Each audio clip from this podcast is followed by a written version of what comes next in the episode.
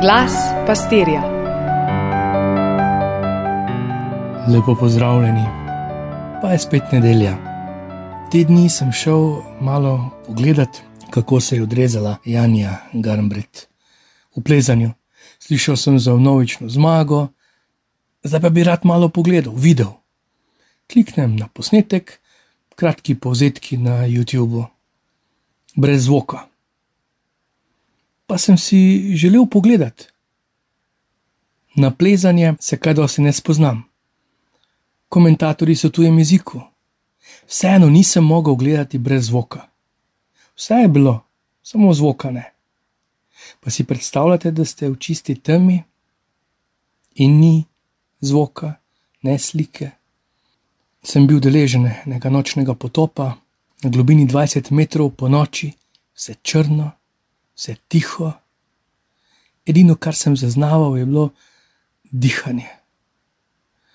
Se mi zdi, da če bi takrat zagledal samo eno malo lučko, bi ji v stiski sledil. Čeprav je bil čisto blizu mene moj trener potapljanja. Vedel sem, videl ga nisem.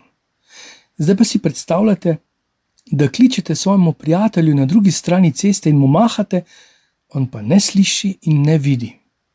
Pa gleda proti vam, okoli pa ni hrupa, pa vseeno gluh in slep za vas. Obnaša se čisto normalno do okolice, vi pa ste za njega manj kot privit. No, nekaj takega se lahko zgodi tam in se nam že dogaja. V bogoslovju nas je nek večer naš spiritual, duhovni spremljevalec, izval, koliko smo budni, koliko smo prisebni. Iz bogoslovja, kjer smo živeli, je bilo cirka 300 metrov do naše predavalnice. Vprašal nas je, koliko ljudi, in če se morda spomnil, koga smo na poti na predavanje srečali, in koliko nazaj domov tisti dan. Od tega vprašanja je že čez 25 let, pa ga še vedno slišim, ker se mi ponavlja iz dneva v dan. Letos med počitnicami so k nam prišli skavti iz drugega konca Slovenije. Srečal sem se samo z nekaterimi, vljudno so se predstavili. Pa mislite, da sem si zapomnil njihova imena? Drug drugega ne vidimo, ne slišimo. Ni zdaj ključno vprašanje po današnjem evangeliju, ali Boga vidimo, slišimo. Ampak ali Bog še vidi, sliši mene, ali sem pa mu postal samo še privit prisluh. Bog vidi ljubezen, sem zanj kot en pošteno preluknen sir.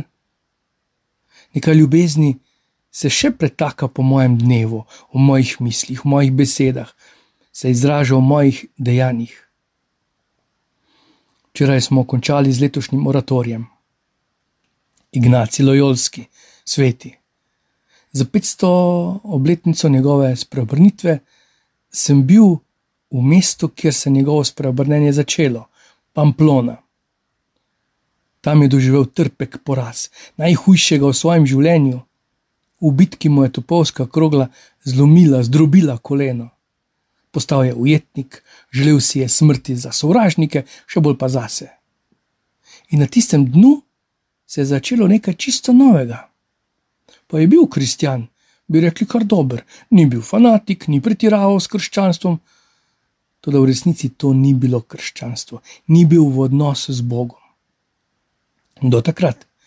In kratkem se je po tej njemu največji tragediji začelo po božji milosti njegovo spreobrnenje. Še je padal v staro življenje ali v skušnjave, pa vseeno si vedno bolj prizadeval za življenje v Bogu. Zdaj je svetnik izjemen, spreobrnil se je. No, tudi Pamplona.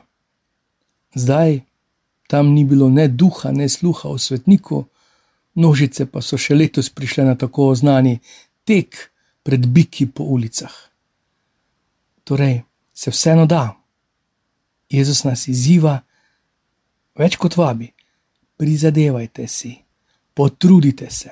Sveti Augustin je rekel: Bog ti je zagotovil svoje usmiljenje, nihče pa ti ni obljubil jutrišnjega dne. Če samo pomislim na naše športnike, kaj vse so žrtvovali, čemu vse so se odpovedali, nevrjetno, res pohvalno. To, da nobena izmed mojih zmag, pa čeprav niso bile na olimpijskih igrah, pa tudi če bi bile, mi ne bi mogle podaljšati življenja. Morda bi mi pomagale k slavi, k bogatstvu, priljubljenosti. Ne bi me pa mogle zaščititi pred, recimo, korono, staranjem, pred mojimi muhami, kapricami, skušnjavami, pred grehom in končno pred smrtjo. Jezus zato z vso resnostjo reče: Potrudite se. In vidimo, mnogim ne bo uspelo, tudi razberemo iz njegove besede. Eni bodo na to po poti pozabili, zakaj gredo sploh na pot, eni bodo kmalo omagali, ene bo premamila kakšna druga, bolj mikavna pot, eni bodo prišli celo do vrat, pa ne bodo mogli vstopiti skozi oska vrata. Potrudi se. Pavel dodaja za naša ušesa celo še bolj radikalno misel: niste se še do krvi upirali grehu. Naše osredotočanje na zasluge drugih. Jezus, videli smo te, slišali smo te, jedli in pili smo v tvoji navzočnosti. Vsako leto smo na tvoj rojstni dan, torej Božič, mi pod dreveščkom dobivali darila, za veliko noč, ko se spominjamo tvoje smrti in baje vstajenja, smo na veliko praznovali in izborno jedli in pili, ja, ja, poznamo te. To razmišljanje ni ravno spodbudno, bi rekli. No, tudi Jezus ni bil na govoru sodobnikom, ravno diplomatski. Po drugi strani pa, saj tudi če bi bil, na drugem mestu Jezus razkrije resnico o odrešenju. Tudi če se še tako trudite, pa to ne pomeni, da se ni smiselno truditi, si prizadevati, vam ne bo uspelo, ne more vam. Čakaj, Jezus, res, po vsem tem, po krstu, po vseh letih veruka, pa maše, pa dobra dela, pa post, nam ne bo uspelo, kaj torej? In se razkrije, ter kot nov spodbuda, kot mana z neba, na nas pade vrstica, ki smo jo nekoč že znali. Ena izmed šestih resnic, da je milost Božja za zveličanje potrebna. Ja, to potrebujemo.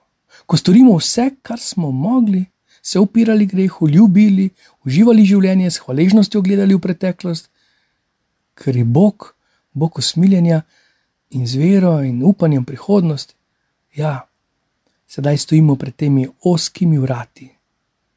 Za seboj puščamo vse, na kar lahko sedaj računamo: znanje, imetje, bančni račun, prijatelje, zavarovalnico, diplomo, puščamo celo svoje drage, svojo družino, svojo ženo, svojega moža, otroke, starše, ne samo hišo, odpovedujemo se domu in vsega srca računamo, Gospod, da s tvojo milostjo lahko stopim skozi ta oska vrata. Kdaj? Ne, to ni moja stvar. Danes, jutri, pojutrišnjem, čez 50 let. Gospod, morda še kak dan počakaj. Tudi če me vzgajaš in ni vedno lahko, pa vseeno rad živim. Preden torej stopim skozi ta uska vrata, se vprašam, me bo Gospod poznal. In če bi danes prišla ta vrata na obisk, po čem bi me prepoznal? Bi ga jaz prepoznal. Vam boščim lepo nedeljo, blagoslovljen teden v družbi Gospoda in pa spoznavanje Gospoda. Vse dobro.